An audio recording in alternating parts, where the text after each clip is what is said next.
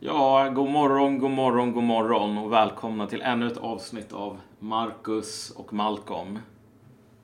Eller Putin och Assad. Putin, vem är vem då? Ja du, det vet jag faktiskt inte. Ah, Okej. Men jag menar, de är ju ungefär samma sak ändå liksom. Ja. Det, det är den alltså. Precis. Men idag hade vi faktiskt inte tänkt att tala om alla sätt som jag får massor med rubler från ryska ambassaden för att driva den här podden. Utan vi ska tala om antirasism är ett kodord för frågetecken, frågetecken, frågetecken. Precis. Och ingången till det här blir vi på något sätt den eh, fråga som du fick på din Ask FM.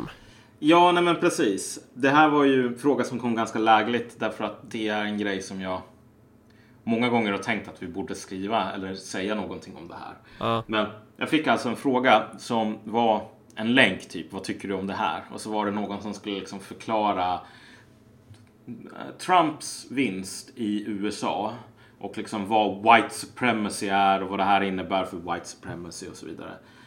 Och för den som inte vet, white supremacy är ju en term som inte är helt enkelt att översätta, tycker jag i alla fall, i, i liksom implikationerna. Men det är alltså en syn på samhället där vita är i toppen. Alltså en liksom, vit överhöghet mer eller mindre. Liksom. Ja, en slags apartheid då. Ja, precis. Ja. Eh, det är inte att så här, vita är roligare eller dansar bättre eller smartare eller så, utan det är en, en, en syn på hur samhället ska struktureras. Liksom. Och grejen var väl att min första reaktion här, jag försökte läsa igenom den här artikeln och kunde typ inte göra det därför att alltså, den var inte bra. Men, men jag slogs av att det låg någonting väldigt intressant i att folk håller på att tala, alltså sättet som folk talar om white supremacy idag. Och liksom, vad betyder X? Trump vinner, eller jag vet inte vad, Putin gör någonting. Vad betyder det här för white supremacy? Och det är så symptomatiskt på hur vi förstår rasism idag på ett plan. Därför att, återigen, om vi tänker oss i termer av ett formell överhöghet. Eh, ett samhälle med vita människor i toppen. Och de som flippade, som gjorde att Trump vann. Det var arbetslösa människor och folk så här, liksom, i, i avfolkningsorter och liknande, dö, rostbältet typ. Hur många människor i Youngstown, Ohio har, eh, är en del av white supremacy liksom? Eller är inom räckhåll för det typ idag? Precis, det är inga liksom rika plantageägare direkt. Nej, de har ju inget inflytande eller makt alls. De håller ju på att ruttna bort, dör. Mm. Men ändå så tänker vi att okej, det här är förtrupperna för någon sorts återkomst av white supremacy. Ja. Hur kommer det sig? Alltså ett sätt som man skulle kunna se på just den här white supremacist-grejen då, om man definierar det som att det skulle ha något med det att göra att vita arbetarklass röstar på Trump. Det är ju om man skulle se det som att vit makt handlar om eh, någonting annat än vit makt om man kan säga så. Att de här människorna har ju de facto ingen jävla makt. Men ändå så tänker man att, att det har någonting med vit makt att göra. Vilket betyder att det handlar om någonting spirituellt då liksom. Ja men, alltså, någonting. ja men exakt, det här är som the dark side of the force. Ah. Den existerar liksom i luften. Och sen så spelar det ingen roll egentligen om det inte finns några balla krigare kvar typ. Därför att så här, the dark side of the force kommer alltid att finnas där och det väntar bara på någon jävla Anakin Skywalker som kommer att väcka upp det här till liv igen. Det är nästan som att white supremacist eller liksom så här rasism existerar utanför oss. Det existerar universellt, den här kraften. Ja, jo men precis. Och då inte bara rasism överlag utan just så här vit makt, normbilden om vita och så vidare. För det som gör det så absurt att tala om liksom, white supremacy i, i samband med Trump är ju dels att det här är en person som absolut aldrig har sagt att ja, men, jag tycker Ku Klux Klan är bra. Jag tycker att de idéerna som styr dem, de ska styra våran politik. Liksom så här. Och det finns inte en enda person i samhället, tror jag, i USA som är beredd att subventionera arbetslösa vita. Liksom. Det är ju vad, vad, vad riktig white supremacy, en återgång till hur det såg ut på 60-talet i amerikanska södern. Det skulle kräva otroliga subventioner, höga löner för vita män. Finns det någon företagare som är beredd att säga så här, men jag kan betala tredubbelt så hög lön till vita män som jag gör nu? Och låta andra bära liksom, kostnaden för det. Vem är intresserad av det egentligen? Mm. Möjligtvis att några av de här människorna som röstade på Trump skulle vilja ha det så. Men jag menar, jag skulle vilja ha full kommunism typ. Jag tror inte att eh, en seger för sossarna eller någonting i den stilen är en seger för full kommunism. Nej. kan jag skönja en, eh, en, en viss motsättning här i liksom en slags idealistisk idé om rasism och en slags materialistisk idé om rasism. Att vi på ena sidan, på den idealistiska sidan, har liksom den här idén om att som i Assassin's Creed då man går in i en sån där jävla maskin. Vad fan heter den maskinen? Vet du vad den heter? Nej, jag kommer inte ihåg. Men för den som inte vet vad Assassin's Creed är så är det ett spel. Poängen är att i DNA så finns det massor med minnen liksom. Och... Ja, och eh, vissa förfäder har varit eller ja, alla förfäder som man spelar har väl egentligen varit eh, Assassins, ja. tillhört den här orden.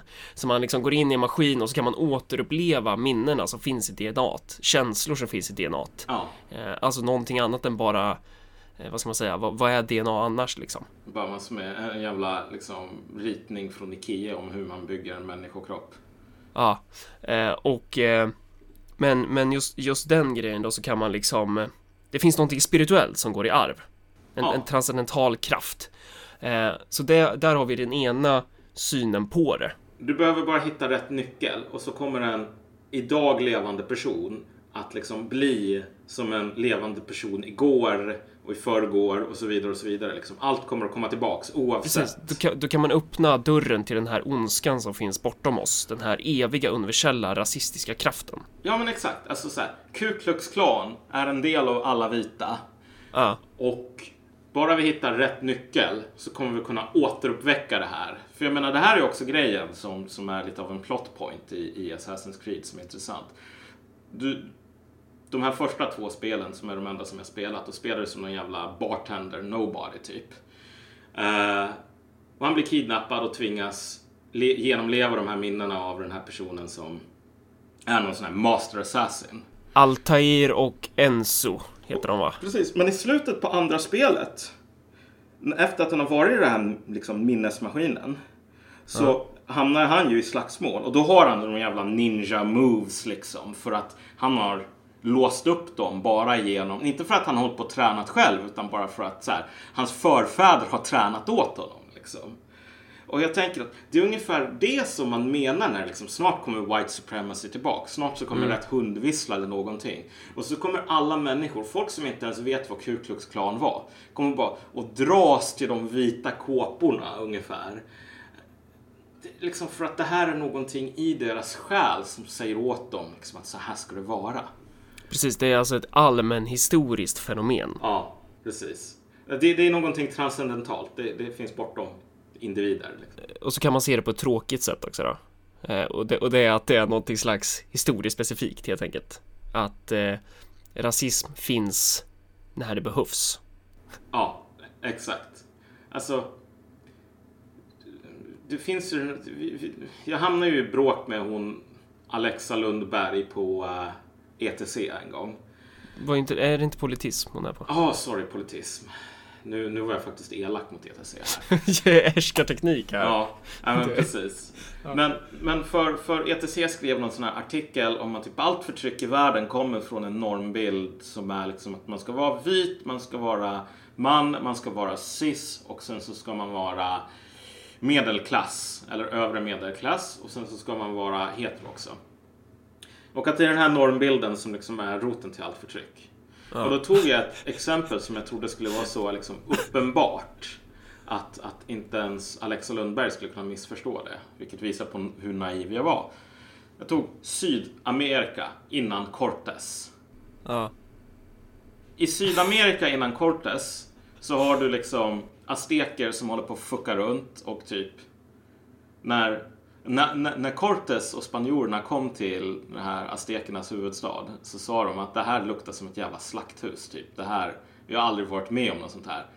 Stanken av människokött och blod hängde så tung i luften så att liksom man kräktes när man kom in. Och det människoköttet och blod kommer ju då av, av att aztekerna fuckar runt och med det menas att de hade plockat alla jävla grannar som slavar liksom. Det var ett fruktansvärt imperium, aztekriket. Liksom. Ja, precis. Jag menar, de, de hade en syn på religion som är ganska svår för oss att ens förstå liksom, var den börjar, typ. Men, Ja. Men de spanjorer- ger, eh, de ger mycket billigare sacrifices i Civil- Civilization, så det kanske säger någonting. Ja, men precis. Eh, men, men hur som helst, liksom. De i alla fall hade ingen aning om vad det var att vara vit. Liksom. Det fanns inga normbilder om vita människor där. Alltså, de, de var inte relevanta. Och inte heller typ hetero till exempel. Hetero kontra homosexuell, att det finns de typerna av människor, också ganska nytt påfund. Och så här cis, tror jag inte heller någon skulle förstå vad du menar. Som folk säger bara, men vad står du i relation till den här normbilden? Så skulle de inte, de skulle inte ens fatta att den normbilden fanns. Nej, oavsett översteprästen som står och skär halsen av den här slaven eller slaven. Man, skar, man skar inte halsen av, man skar ut hjärtat. Och poängen var väl att man skulle få ut hjärtat medan det fortfarande slog ungefär. Ja, okej, ja just det. Ehm, Mm. Så, ja det där tycker jag var väldigt respektlöst inför andra kulturer, Marcus. Ja, jag kommer här och, och, och, förenklar och har mig. Ja. Så jävla okunnig och vit är jag. Ja, precis. Jo, men där har vi verkligen vit privilegium. Tror Ja. att du kan liksom berätta för aztekerna hur man ska offra till gudarna. Men poängen kvarstår att oavsett ö- översteprästen i Aztekriket eller slaven skulle ju fattat vad fan det här vithetsprivilegiet handlade om liksom. Nej, exakt. Alltså, de skulle inte ens kunna hänga med i ditt resonemang. Och Nej. ingen av de här sakerna, vit, liksom, allt sånt. De etiketterna skulle inte betyda någonting. Såvida man inte förklarar med andra ord kanske. Om man skulle säga så här. Ja men det finns människor som äger plantager och sen finns det människor som jobbar på plantagerna och blir exploaterade. Då kanske den här prästen skulle känna igen sig lite kanske så. Men om man pratar i termerna vithet, då blir det svårare. Nej men precis. Men alltså, men idén som vi har är ju liksom att okej, och vi snor ju allting som är dåligt från USA och så gör vi det sämre. Speciellt liksom när det gäller teori och liknande. Så vi har ju fått det här kritiska vithetsstudier och så vidare. Men problemet med kritiska vithetsstudier är ju faktiskt att de inte är klarar av att vara kritiska oftast gentemot vithet som koncept. Därför att, återigen, vithet är ett koncept som inte spelar någon roll bland olmec-folk i liksom Centralamerika till exempel. Och för att det, det är någonting specifikt för historien. Så. Det, det är bara användbart i vissa situationer och sen i andra situationer så är det inte användbart. Och det finns liksom ingen kraft som tvingar oss tillbaks in i vithet som någon förklaringsmodell. Liksom. Vi skulle ju kunna ta ett till historiskt exempel och det är ju Europa då. Ja, Bara så här livegna bönder som står där med lera upp till skrevet typ och svälter ihjäl och det är bara pest och krig och djävulskap överallt typ. Man, man bara badar i förtryck typ medan den här jävla adeln sitter och kliar sig i svalget så de ska spy upp där de just ätit så de kan äta mer. Eh, om man skulle prata om vithetsnormer där skulle ju inte riktigt funka heller för att förklara eh, varför den livegna bonden är förtryckt va? Ja, men det här, är ju, det här visar ju liksom på, på något plan hur lite man ofta tänker om sådana här saker som rasism. Alltså hur lite resonemang och hur mycket upprapning det är. För när man talar om vithet så talar man ju om en sorts fenotyp. Alltså halten av melanin i huden. Och sen så ska det finnas någon sorts bakomliggande idé om att okej, den här hudfärgen speglar alltså mänskliga skillnader som rättfärdigar ett social och ekonomisk hierarki. Precis. Men vad gör man som i Europa om man inte bara kan kolla på huden och säga men du är vit och du är inte vit liksom. Så. Då, då måste man ju förklara det på ett annat sätt ju. Det, ja men precis. Och det sättet som man försöker få det till Ja. oftast när man ska försöka föra över lärorna från liksom vithetsstudier i USA till Europa. Det är att säga okej, men vet du vad? I Europa fanns det också vithet. Det var bara att den här vitheten, den hade ingenting med vithet att göra utan den hade med andra saker att göra. Mm. Och vad betyder det då?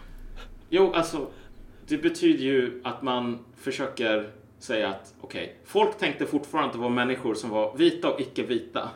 Mm. Men eftersom alla var vita till färgen mm. så var de tvungna när de skulle säga, liksom, resonemanget som den här adelsmannen kom med var väl så här, okej, okay, det finns vita och sen så finns det inte vita i samhället. Problemet är ju bara att vi kan inte se skillnaden därför att alla har samma hudfärg. Så vi måste hitta på en annan förklaring till varför. Till exempel kungen har fått makt av Gud eller kyrkan har makten av Gud eller något sånt. Liksom. Just det. Och den förklaringen skulle ju egentligen bara vara alltså en sån här nödlösning som man limmar ja. ihop med Karlssons klister. För att egentligen så vill man säga att det finns vita och inte vita. Men mm. eftersom alla har samma hudfärg så liksom, vi kan inte skilja på dem. Men om man säger det, att vi har också förtryck mellan vita och icke-vita. Liksom, bara att alla är vita. Det är inte handlar Vithet spelar ingen roll helt ja. plötsligt. Varför inte bara säga så här att okej, okay, allt förtryck, det, det, här är inte en vithetsnorm. Det här är någon Nej. annan form av norm. Du behöver mm. inte tänka på de här termerna, sakerna i termer av hudfärg liksom. Eller fenotyper. Det handlar om klass. Jo, exakt. En annan grej, alltså du vet Marx. Idag så mm. säger ju folk, och det här visar ju också på hur, hur intellektuellt bankrutt den här sortens vithetsnormsnack är i Europa. Men alla säger om Marx att Marx, han var ju en vit liksom, cis-man. Så här. Och som sådan så hade han privilegium. Ja. Marx var jude. Okej, okay. nu, nu är det väl ganska många som inte orkar läsa historieböcker. Men jag kan säga så här att judar till, till hudfärgen, okej, okay, kanske har samma hudfärg som alla andra. Ja. Men jude är inte en position som har varit särskilt privilegierad i Europa om jag ska komma med århundradets underdrift här. Mm. Marx kunde inte under den tiden som han levde bara kolla till hudfärgen, jag är vit, vi är alla vita, vi är privilegierade. För det första så skulle ingen fatta, liksom, vad har hudfärg med någonting att göra? Skulle det första svaret bli. Och det andra svaret skulle bli, men du är en jävla jude liksom. Mm. Så. så när folk idag försöker måla tillbaks att Marx, han var ju en del av den här vithetsnormen. Då avslöjar man ju bara en total oförståelse på ett plan hur alltså, den sociala hierarkin i Europa faktiskt såg ut. Liksom.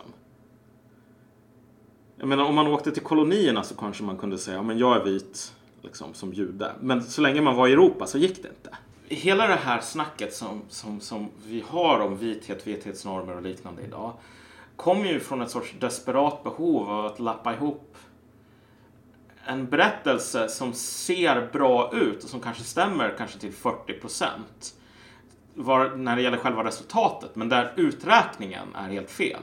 Mm.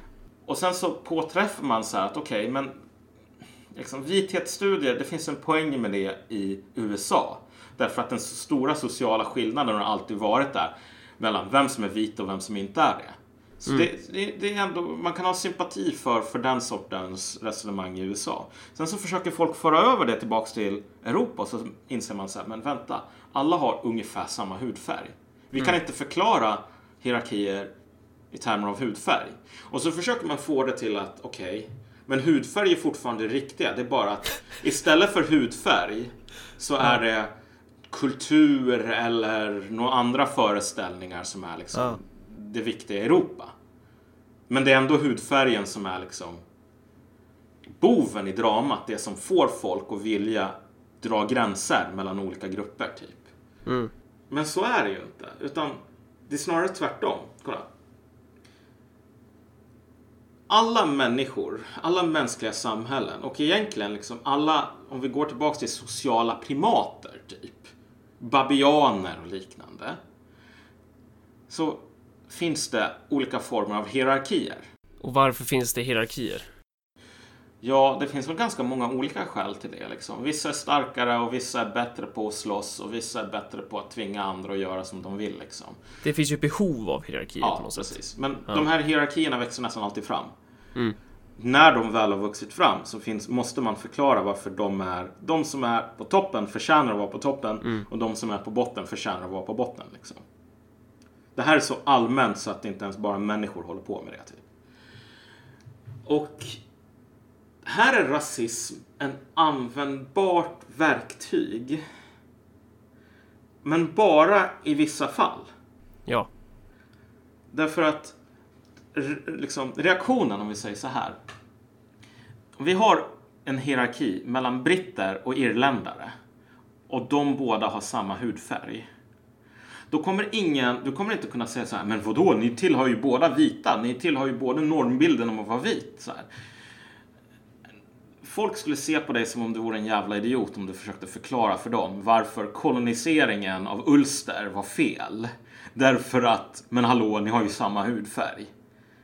Och sen så skulle de kanske förklara för dig med så här långsamt, stora ord väldigt långsamt som man gör med så här efterblivet av mongobarn typ att okej, okay, det här är en jättefin poäng, men vi har massor med människor som tjänar otroligt mycket pengar på att hålla på med det här. Ja. Tror du att jag tänker säga till dem att vi ska sluta med koloniseringen av Ulster för att irländare har samma hudfärg som vi? Någonting som du måste vara blind för att inte märka för övrigt. Liksom.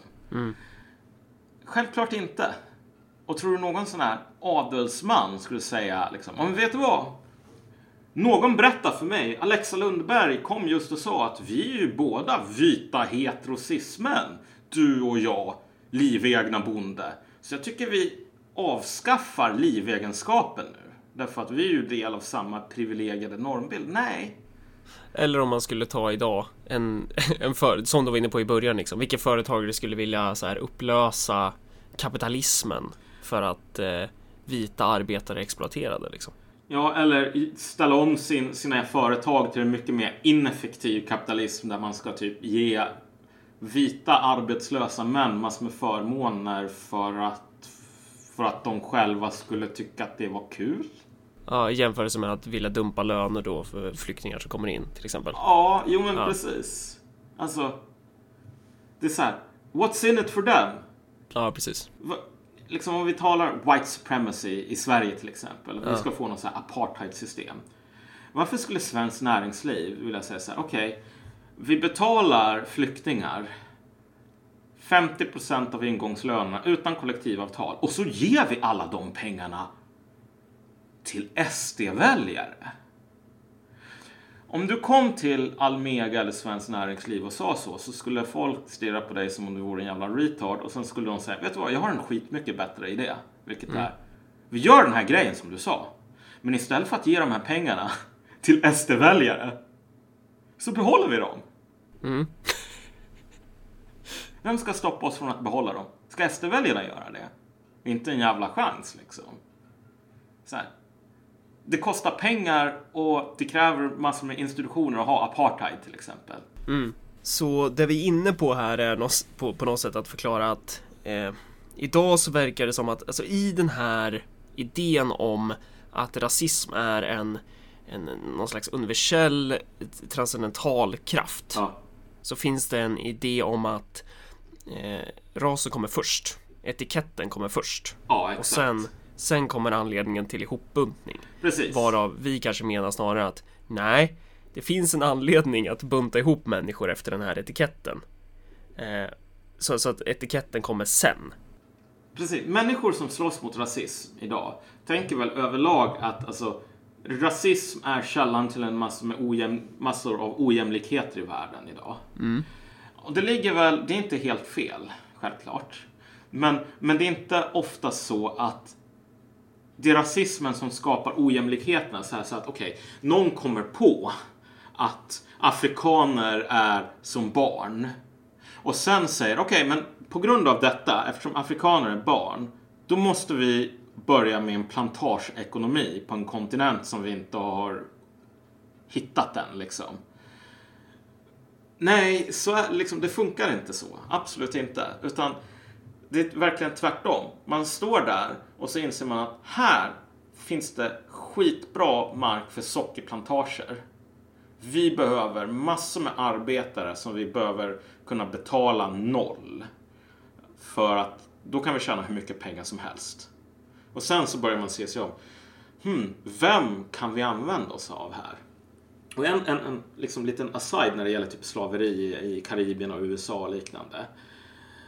I början i alla fall så var det ju så att på vissa ställen, vissa plantager, så var det alltså vita som jobbade sida vid sida med svarta. Därför att en, en grej som kunde hända om du var vit till exempel, det var ju inte den här sortens slaveri som du hade med svarta, att det går i arv och att du är född slav. Men om du satte dig själv i skuld till exempel. Då, då, du kunde alltså skriva på ett kontrakt som gör att alltså, en annan person äger dig tills du har betalat av ett lån till exempel. Så att man la ner ganska mycket tid på att försöka skilja vita och svarta åt, att inte skulle liksom inse att vi har ganska gemensamma intressen. Därför att ekonom, ekonomiska avvägningar gjorde att man kunde använda vem som helst nästan för att mm. plocka bomull. Um, Profiten är ju ganska blind för hudfärg om man säger ja, men så. precis. Alltså, även vita människor kunde liksom tvingas till att plocka bomull därför att det var ganska dyrt att åka över till USA till exempel. Så många vita sa att okej, okay, jag får plocka bomull i två år och vara ungefär som slav, men jag kan i alla fall bli fri sen. Någonting händer. Det är något stort på gång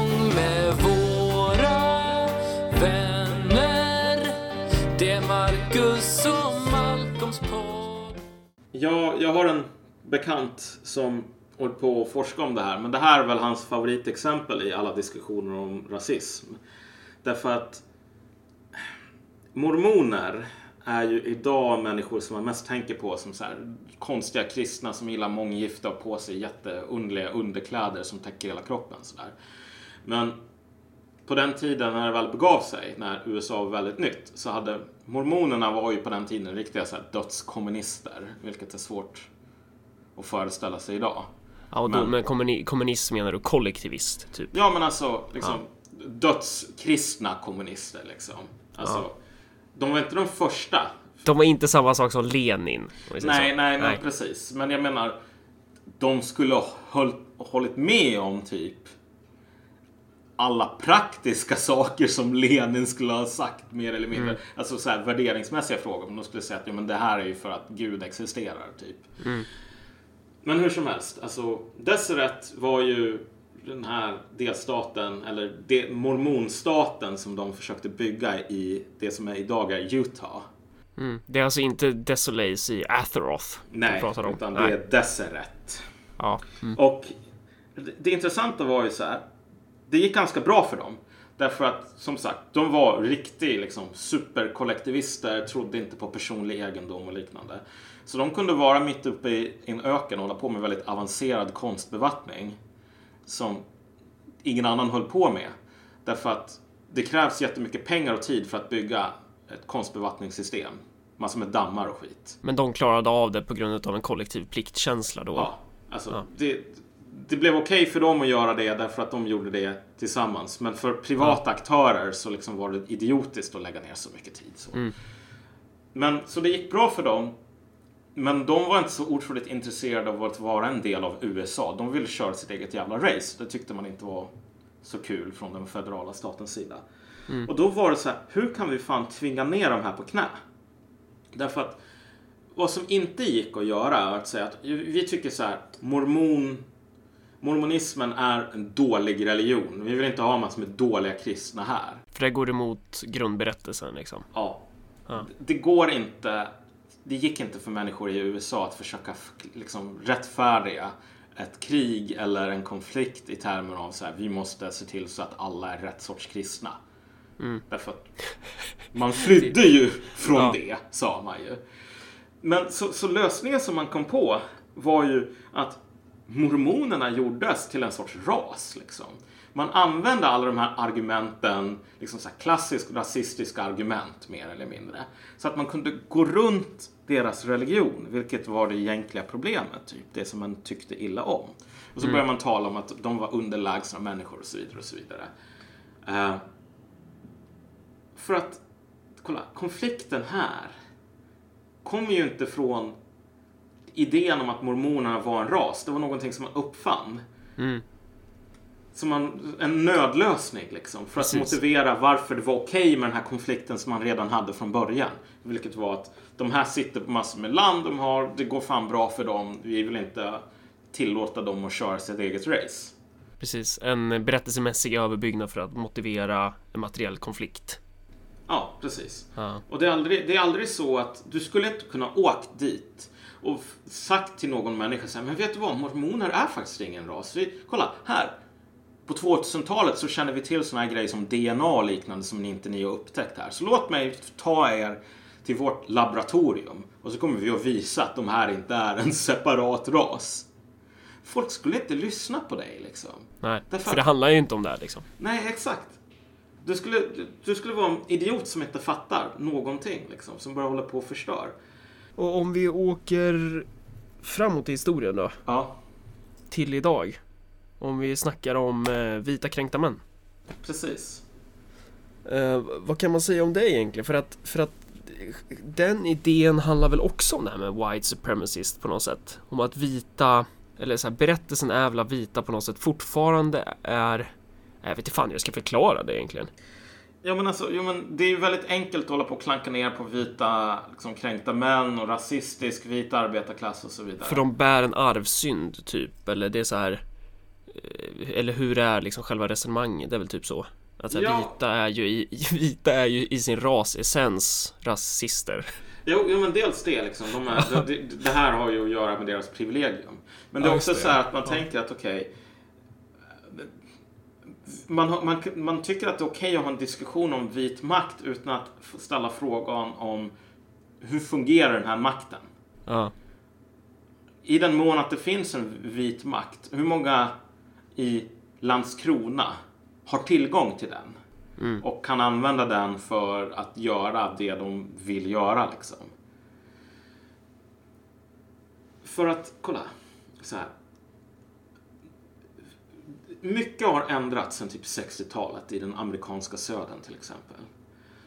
Eh, och jag kommer ihåg en viss Adolf Fried som berättade om, han bor ju i New Orleans. Mm. Och det var ju det här liksom Katrina för ett antal år sedan som det skrevs väldigt mycket om. Och- alltså det är naturkatastrof översättning va? Precis. Och så var det så här, väldigt många svarta liksom lämnades bara drunkna som råttor ungefär. För staden vill inte betala för bussarna för att evakuera Ja. dem. För liksom, det skulle vara för dyrt. Och han kommer med den här anekdoten att så här, många som man talar med när det är när sånt händer eller när det är eh, gentrifiering, man försöker kasta ut människor, riva deras liksom, bostäder och så vidare och liksom, för att man ska bygga nytt, bygga finare. Då, då säger folk, det är vita människor som kommer igen för att ta våra bostäder eller det är vita människor som har- kommer igen för att göra det här. Och grejen är ju att det stämmer inte längre idag. Det är inte sant.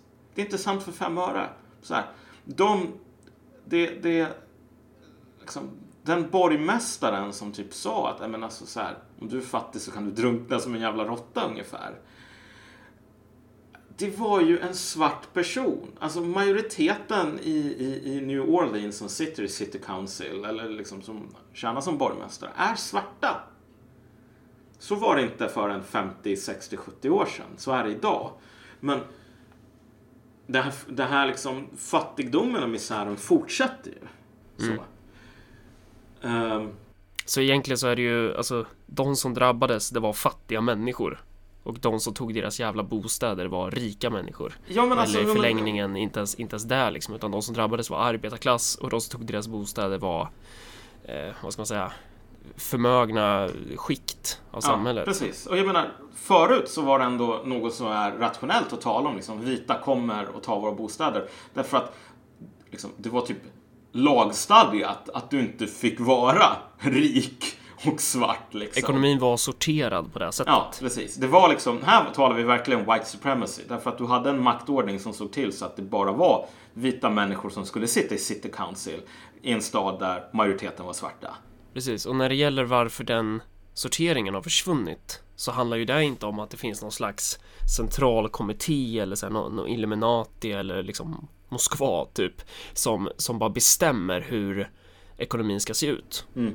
Utan det handlar ju om hur ekonomin utvecklas och vad det får för implikationer på vilka befolkningsskikt som kommer hamna på olika positioner i samhällsproduktionen. Ja, men det här är väldigt intressant. Man ser lite grann. Det finns två eh, olika typer på det här. För ditt och mitt argument här när vi håller på och talar om materialism hit och dit är ju så här att okej, okay, när du har en ekonomisk och social hierarki så kommer folk alltid att hitta på sätt att förklara varför den är okej. Okay. I alla fall de som sitter i toppen och tjänar på den, de kommer alltid att säga att det är så här. De som sitter i toppen tjänar på den, eller de som sitter i toppen förtjänar det, de sitter i toppen för att de är bra eller överlägsna eller vad det nu mm. är. De som är det här, i botten. Det här är det enda alternativet, alla andra alternativ, då blir det som i Nordkorea eller någonting. Ja, precis. Och jag menar, kolla. För hundra år sedan så gick det inte att vara president och svart. Det gick inte att vara borgmästare och svart. Det gick inte att vara VD för ett Fortune 500-bolag och vara svart. Och det gick inte heller att vara fattig arbetarklass och svart. Eller det gick inte heller att vara fattig arbetarklass och president. Nej, det gick det inte. Det går inte heller Nej. idag. Liksom. Men jag menar, det har ju ändrats. Det finns inte längre något sånt form formella hinder kvar. Och vad du har sett faktiskt är väldigt intressant. En, en ny sorts berättelse om varför de som är i botten på samhället idag förtjänar att vara det. Nu går det inte längre att tala om raser så, att så här, rasmässig underlägsenhet. Men svarta människor i toppen av samhället i USA har mer och mer behov av att förklara varför svarta fattiga inte är som dem och varför de är dåliga. Liksom. Och vita människor har mer och mer behov liksom, här, svarta och vita som är privilegierade och rika kommer mer och mer liksom förenas i ungefär samma kamp om att tala om varför människor som har samma hudfärg som dem, mm. som är fattiga, är värdelösa. Mm. Så att okej, okay, vi, vi har hela det här med chavs, vita kränkta män, hillbillies, white trash liksom så. Ja. Och det har talats ganska mycket om. Men en sak som jag kom på medan vi satt här och snackade är att Obama själv är ett bra exempel på hur det här ser ut när alltså svarta personer riktar blåslampan mot andra svarta personer. För Obama har ju haft massor med sådana tal om att, och han är inte ensam om det liksom, för fem öre. Men han har ju haft tal om att okay, det stora problemet i, liksom, bland många fattiga områden idag, det är ju att du har massor med så här, mammor som inte bryr sig och pappor som matar barnen med Popeyes chicken och folk som bara käkar på KFC istället för att laga riktig mat och det finns ingen arbetsmoral. Precis, problemet som... ligger i dem som individer, inte i någonting materiellt ekonomiskt utomstående då. Alltså. Ja, exakt. Mm. Och man kan ju tänka så här, varför behöver någon som Barack Obama förklara för folk i Chicago som gissningsvis borde veta vad det handlar om. Liksom. Men varför tror han att det är nödvändigt att förklara för människor som bor i Chicago att de är fattiga på grund av att de käkar för mycket på Popeyes chicken? Ja. Alltså Obama är ju inte dum, så dum så att han inte förstår att alltså fattiga var ganska, eller svarta var ganska fattiga innan Popeyes chicken ens hade öppnat någonstans i USA liksom. Men återigen, det här är det som man måste göra. Därför att alternativet för Obama skulle ju vara liksom, okej, okay, vet du vad, fattiga är svarta idag därför att vi har den här sortens globala kapitalism. Mm. Eh, där liksom, ni är mindre och mindre användbara, etc, etc, etc. Men liksom, så här. Det skulle ju inte vara kul. Mm. Om man tittar då om man, hur det ser ut i Sverige mm. och i många europeiska länder eh, så är ju majoriteten av dem på botten det är ju vita människor liksom.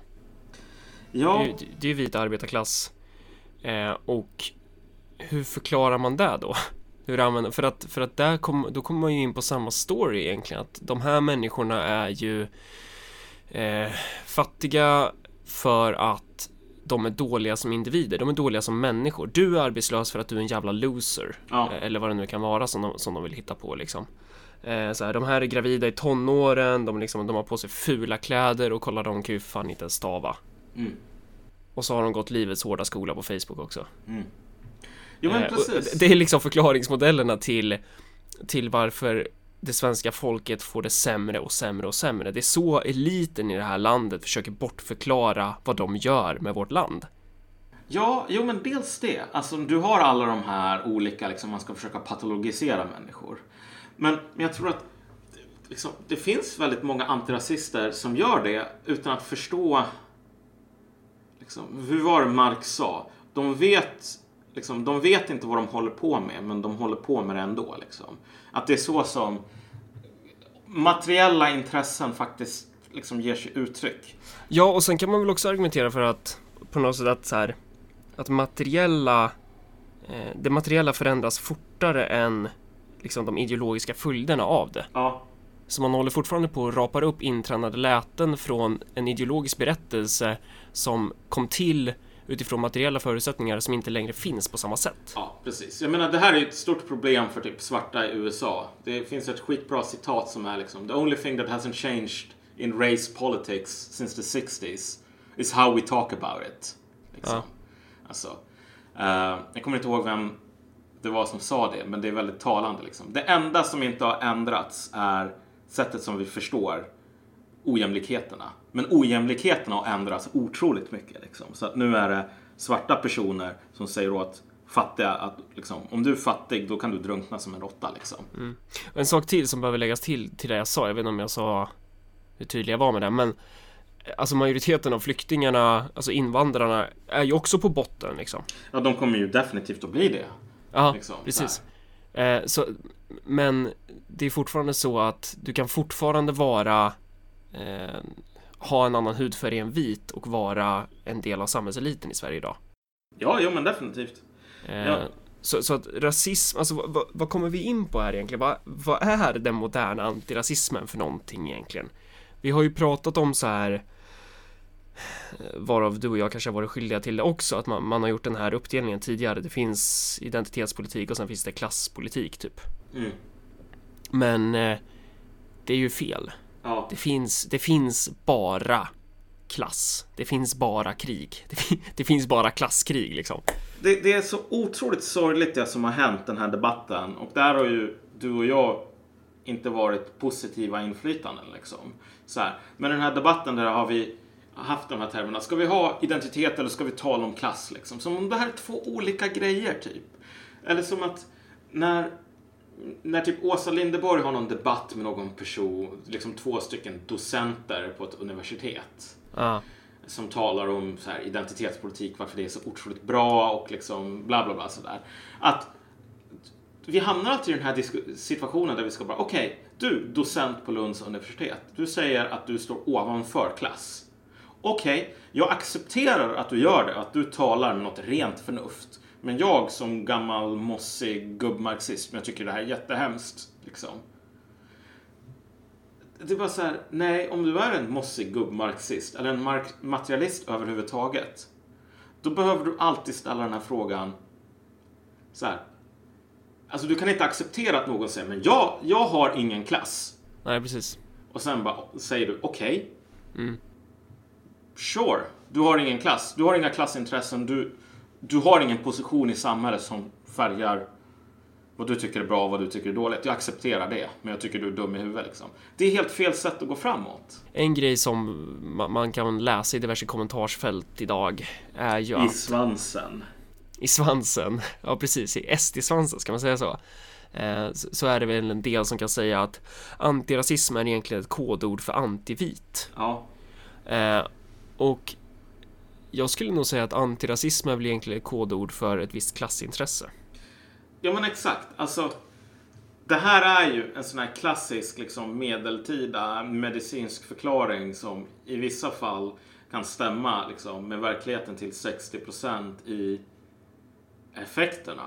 Men Till där- exempel att eh, kroppen består av kroppsvätskor och det gäller att ha dem i balans, typ. Ja, precis. Nej men alltså, kolla, det, det, det, om du går tillbaka typ 2000 år så finns det så här, ät den här örten som gör att din, de olika aspekterna liksom så här i din, din kroppsvätskebalans liksom kommer i bättre balans. Så blir du frisk om du har typ diarré liksom. Det är alltså en extrem simplifiering av den faktiska processen. Nej, nej, det är inte en simplifiering. Det är helt fel. Liksom. Här, Ja. det, men, men, men det är så här.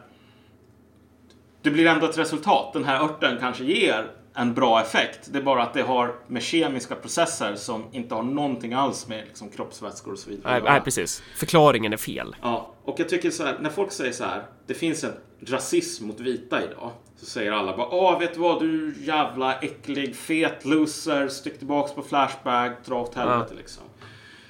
Och jag tycker den här rasism mot vita, den, den idén, den förklarar en del av upplevelserna som jag tror man har på många ställen. Men den kan inte förklara själen alls. Alltså, Nej. Skälen är inte att det finns massor med människor som är liberaler eller liksom vänster, antirasister och så vidare. Som alltså på allvar tror att det finns en vit ras som är underlägsen. Liksom. Så du kommer inte kunna säga så här, men vet du vad, här har vi så här DNA-laboratorium och vi har bevisat att liksom det finns inga mänskliga raser alls. Och så kommer alla bara, ja, okej då, vet du vad, människor i Landskrona är kanske inte så dumma ändå. Utan vad det här handlar om är ju att det växer fram en ny sorts social och ekonomisk hierarki i samhället. Där det är mycket mindre viktigt um, vilken sorts hudfärg du har. Det, alltså, det finns inte längre hårda fasta gränser, gränsdragningar på grund av hudfärg. Ingen kommer att stoppa dig från att gå in i Trump Tower för att du har fel hudfärg längre. Mm. Och det gör att man måste ha en ny sorts förklaring till de ekonomiska hierarkierna som växer fram. Mm. Varför är det okej okay att lämna flyover states i USA att bara ruttna bort? Varför är det okej okay att hålla på att lägga ner liksom typ allting utanför storstäderna? Varför är det okej okay att människor i eh, Västervik eller Degerfors eller något sånt har typ två val. Antingen permanent arbetslöshet, typ, eller att flytta till en storstad. Jo, det beror på vi, vitt privilegium. Ja, men exakt. Det beror på ja. vitt privilegium, eller så beror det på att de här äter på McDonalds, eller så beror det på att de äter ja. Popeyes, eller så beror det på att de hänger på Flashback. Alltså, eller så beror det på att de har dåliga åsikter, eller knullar för mycket, eller vad fan det nu är liksom. Alltså, man kommer alltid att ta de förklaringarna som står till buds. Och om det vore så här, vi säger så här, du kunde trycka på en knapp och så vore det så att alla som bodde på de här ställena som är tjänar på den här framväxande liksom, sociala ekonomiska skiktningen. Vi gjorde alla dem till svarta. Liksom. Men Gud hade, kände för ett practical joke. Liksom. Och höjde melaninhalten på alla rika liksom, till mycket högre än vad den är idag. Och gjorde alla som är liksom, bor i typ Västervik, Degerfors etc. etc. innerstaden i Baltimore um, kritvita. Då skulle det på en jävla sekund bli så att vi börjar tala om på allvar att vita människor är underlägsna. Och så skulle det vara något så här liksom typ Ja men vi behöver apartheid för deras eget bästa. Det är klart att så här, de här människorna i sin natur är ju inte kapabla att hantera ja. politisk makt. Ja, om man skulle ta vilka förklaringar som helst som skulle ha liksom en, en sorts gnutta av någon sorts sanning i sig mm. men som skulle inte ha någonting med saken att göra. Typ så här, okej, okay, vita människor de är jättefattiga och håller på och knarkar och så vidare. Vet du vad det har att göra med? Det har bland annat att göra med den här vitamin A-bristen som man får om det är ganska korta dagar eh, och ja. liksom solen inte lyser så mycket och, och du vet, man, man har ljushy. Så här, vitamin A-brist. Det är det vitamin A, inte det vitamin D? Whatever. Ja, det är nog ja. vitamin D, sorry. Okay, ja. Men, men liksom kolla, folk skulle ta den jävla rappakaljen och säga kolla, det här är en vetenskaplig förklaring. Ja, precis. Vita och svarta är annorlunda och vita är de är bara underlägsna. Det, det, är vetenskapligt. Vi kan inte göra någonting åt det. Nej, och de som, de som motsäger sig, de är faktaresistenta. Jo, men precis. Alltså det, det alla skulle göra så. Ja. Uh, inte på grund av att man egentligen tror på det och sen om det skulle komma någon forskningspapper som visar att okej, okay, det finns inga mänskliga raser liksom. Det är inte, vetenskapen är ganska kass bakom, bakom den idén. Då skulle ingen bara säga, okej, okay, vet du vad, nu måste vi börja med något så här ekonomiskt och socialt omfördelningsprogram här för att det här samhället är för jämlikt. Man skulle säga fuck you. Eller så skulle man komma på en annan förklaring. Så i det läget så skulle vi kunna ha en rasism liksom mot vita. Mm. Men vi lever inte längre i en sån tacksam tid där hudfärg ger nog med täckning för att en socialekonomisk hierarki ska vara legitim. Och det är därför som Obama måste angripa fattiga svarta liksom till, till, sin, liksom till sin karaktär. Och varför liksom, vita människor i San Francisco måste också hålla på att tala om så här underlägsna hillbillies och så vidare. Precis, för det handlar i grunden om klass. Det är, Ja. ju, det är ju verkligen där vi landar liksom. Ja men precis. Och, och det här blir ganska, det, blir, så att säga, det kan ju kännas som att nu är de här jävla marxisterna igen och de är, de är så tråkiga och kommer där och landar i samma slutsatser och rapar upp samma skit. Men fortfarande så här, det här är ganska relevant för eh, lösningen va? Alltså, Ja. Att försöka föreslå någon slags åtgärd för om, om vi hela tiden förstår rasism som vi gör i mainstream-debatten i samhället så, så som vi lär oss den i skolan, så som man pratar om den i media, så som den debatteras eh, och så som alla de här så kallade antirasisterna förstår antirasism eller förstår rasism då kommer man ju aldrig komma till pudelns kärna som är att rasism är eh, en förklaringsmodell för att legitimera klassförtryck eller en förklaringsmodell för att legitimera materiellt förtryck, Ja. materiell ekonomisk struktur så. Kolla, det finns massor med människor som har massor med förutfattade meningar om andra. Det är inte begränsat till någon, liksom, något land, till någon stad, till någon hudfärg, till något sådant. Alltså människor har det överlag och de kan skapa massor med problem. Och de kan skapa en hel del ojämlikheter också. Men gissningsvis så tror jag faktiskt inte att så här babian eller liksom när, när schimpanser håller på och mördar och våldtar andra schimpansstammar, liksom, vilket de gör. Jag tror inte att det är för att de kollar på CNN eller liksom har läst Adolf Hitler. Nej, Utan, men, men liksom... De skulle väl säkert tycka att det var jävligt nice med, liksom, med teckning för det här om, om det fanns. Men, men poängen är att alltså så här, ojämlikheter kan skapa massor med dåliga idéer. så. Och den biten är viktigare än de dåliga idéer som skapar ojämlikheter. Liksom. Den, den aspekten kommer alltid vara mycket mindre än att då liksom, ojämlikheter kräver alltid dåliga idéer. De skapar en marknad. det är därför det blir så jävla vrickat att som kommunist köpa den här mainstream antirasistiska lugnen. Ja, För att den förklarar ju inte, den är ju likt en medicinsk förklaring från medeltiden så kan den inte förklara hela skeendet för vad, för vad det faktiskt är. Man, det är därför man måste uppdatera de här politiska verktygen och se hur ser egentligen konflikterna ut i samhället idag? Vilka är eh, förtryckare och vilka är förtryckta? nej men exakt. Och jag menar, kolla.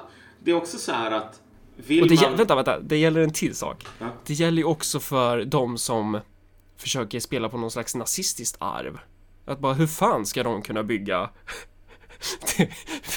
hur, ska de göra liksom? Ja. Vad, vad är de materiella förutsättningarna för att skapa det vita samhället idag? Hur fan? Hur har de... Nej. Jo, jo, men precis. Jag menar, det som man kan säga om liksom, nazisterna till deras försvar var ju att Mm. där hade man ändå någon sorts, okej, jävligt skev på många plan, men man hade ändå någon sorts förståelse för att så här, vi behöver se till så att vårt folk har mat på bordet, typ. Ja, du menar de tyska nazisterna på Ja, 30-talet? exakt. Och sen så hade du det som fick utlopp i massor med det här förhärligandet av Ja, små men det- bonden och så vidare. Precis, men det absurda blir ju då att försöka köpa den berättelsen. På- samma sätt som det är absurt att så här rapa upp samma antirasistiska berättelse så är det ju absurt att rapa upp samma rasistiska idé för att kunna legitimera sitt politiska projekt idag. Eh, det, blir ju svårt att kunna formera jag jag sitter här och är orolig för, för Sveriges nazister, hur de ska... Vad, vad Ja, säger sig Göran Persson? Vad, vad ska det bli av de här? ja. Vad- Nej men för kolla, kolla. Så här. Man kan tycka rasister, nej, nazisterna i Tyskland var ju så här monster, allting sådant. Men de hade i alla fall en plan som var lite mer avancerad än typ The Underpants Gnomes. Ja, Deras precis. plan var ungefär så här, okej. eh, förklara krig, utrota eh, De som inte är vårt demos. Precis, liksom så här 40, 50, 60 miljoner människor. Så Ja. har du massor med mark som är fri. Eh, använd den här marken, skicka tyska nybyggare, pionjärer, kolonisatörer. Och så kommer vi kunna ha, lösa våra interna klasskonflikter. För nu kommer vi äntligen kunna ha ett fritt, självägande eh, liksom, småbönder. Ja. Medans typ, det verkar som om, om jag ska vara lite elak, nu är ju inte SD nazister liksom. Man ska inte, det, det är bara löjligt att hålla på så. Men så här, Jimmy Åkessons plan verkar vara mycket mer så här underpants and home-stil. Vilket är Men det är ju här- bara så han, han orkar ju inte ställa in ekonomiska inställningarna när, man, när han fick valet. Han, det är bara an, så här default på allt. Ja, men, ja, jo, men, jo, men dels det, men sen också så här, Full nyliberalism. Eh, ja, men precis. Tala om skolavslutningar i kyrkan. Få massor med röster. Gå till uh, Almega och Svenskt Näringsliv. Frågetecken, frågetecken, frågetecken. Profit, liksom. Ja. Du vet, man har aldrig den här tanken på liksom, okej, men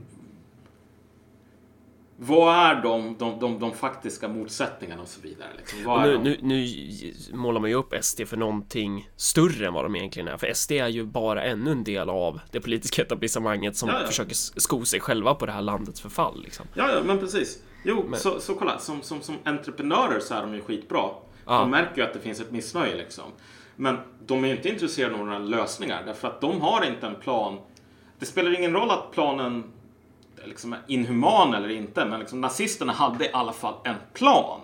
Ja, och Sverigedemokraterna är på många sätt de är ju också sociala entreprenörer som rider på de strömningar som finns idag. Jo, jo. På samma sätt som ungefär många så identitetsvänsterpolitiker också är sociala entreprenörer som kan komma där och skriva en bok om vita kränkta män. Mm. För att det, det, det säljer ju in hos den berättelse, alltså det går ju i, i, i linje med vad etablissemangets eh, berättelse för att legitimera det rådande är.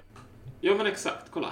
Det, det är så här, och det här är ju någonting som Adolf Reed själv sa liksom att för tio år sedan eller någonting sådant att så här, i en värld där de ekonomiska ojämlikheterna inte längre eh, följer yttre fenotyper eller något så, eller idéer om raser, så kommer resultatet bara bli en ny rasism utan raser. Liksom. Mm.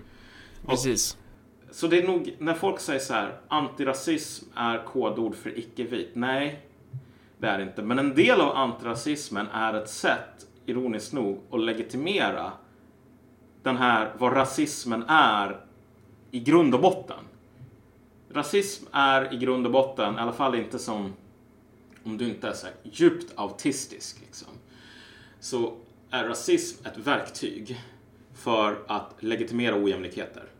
Varken mer eller mindre. Det spelar ingen roll om det inte finns raser, det spelar ingen roll hur DNA ser ut, det spelar ingen roll vad liksom melanin är. Ingenting sådant spelar någon roll. De enda grejerna som är relevanta är att det finns ojämlikheter och de behöver förklaras och legitimeras. Så att det empiriska innehållet i rasism är väldigt lågt. Och ingen rasist kommer bara oj, oj shit. Det går inte längre att stödja det här vetenskapligt, nu måste vi sluta liksom. Och den kärnan finns också hos människor som håller på och idkar antirasism. Många gånger. Utan att man vet om det själv kanske. Alltså den här kärnan att man märker på något plan att jag är inte en av dem som det går dåligt för.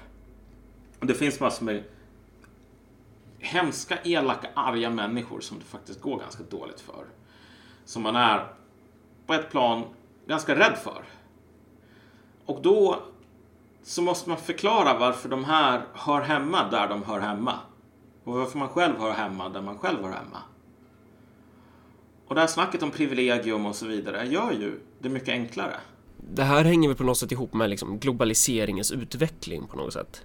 Att eh, i och med globaliseringen så har man ju kommit till ett läge, man har gått från att vara i läge då eh, människor i, i land A har det typ relativt bra liksom. fattigdomen är någon annanstans. Men nu har man ju luckrat upp gränserna så att man på något sätt har eh, hur ska man förklara det här på ett ja, sätt jo, som man men, förstår? jo, men precis. Alltså att det inte längre är så att det är någon... USA är ett rikt land. Ja, exakt. Zimbabwe är ett fattigt land, vilket betyder att alla som bor i Zimbabwe är fattiga och alla som bor i USA är någorlunda rika. Liksom. Precis, man går mot en utveckling där eh, arbetarklassen på något sätt homogeniseras i den bemärkelsen Ja. av att man blir eh, exploaterad på ungefär liknande villkor men vilket följden av det kanske inte då resulterar i en större grad av klassmedvetenhet och Nej. klasssolidaritet eh, mellan varandra utan man kanske då snarare hamnar i att det blir en större grad av konflikt längs med olika Ja. andra parametrar. Så. Precis, jo men så är det ju självklart. Och det är ju det som en del vill försöka leda dig in i. Och jag menar, vi har ju det här idag. Det är ju den äldsta käpphästen någonsin. Liksom att okej, främlingsfientliga krafter vill förklara konflikter i materiella konflikter i termer av så här konflikter mellan olika folkgrupper, liksom, olika kulturer och, och så vidare. Att de, de försöker dölja vad som egentligen försiggår. Men det här är ju otroligt hycklande på ett plan, att säga så. Därför att samtidigt så finns det ju vänster och liberaler som också vill dölja vad deras egen kamp handlar Precis. om. Och den handlar ju i slutändan om att säga att människor som bor i Landskrona har egentligen inga eller Youngstown, Ohio till exempel. De har egentligen inga legitima skäl att vara sura eller arga. Utan de kan bara vara det för att de drömmer sig tillbaks till dagen då Ku Klux Klan liksom var starka. Precis, Alltså- och vad är egentligen den största mardrömmen för dagens politiska etablissemang? Jo, det är ju att de här smutsmänniskorna, folket, skulle ta makten i sin, sina egna händer liksom, och Ja. avskaffa det rådande samhället.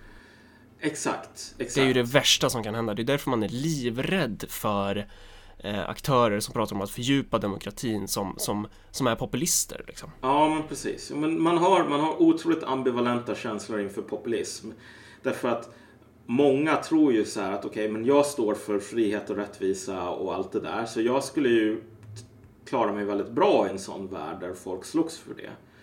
Men kolla, en sån värld skulle vara den här scenen nu, jag kommer inte ihåg vilken film det är, med den här somaliska piraten som kommer upp i hytten och bara säger Look at me, I am the captain now.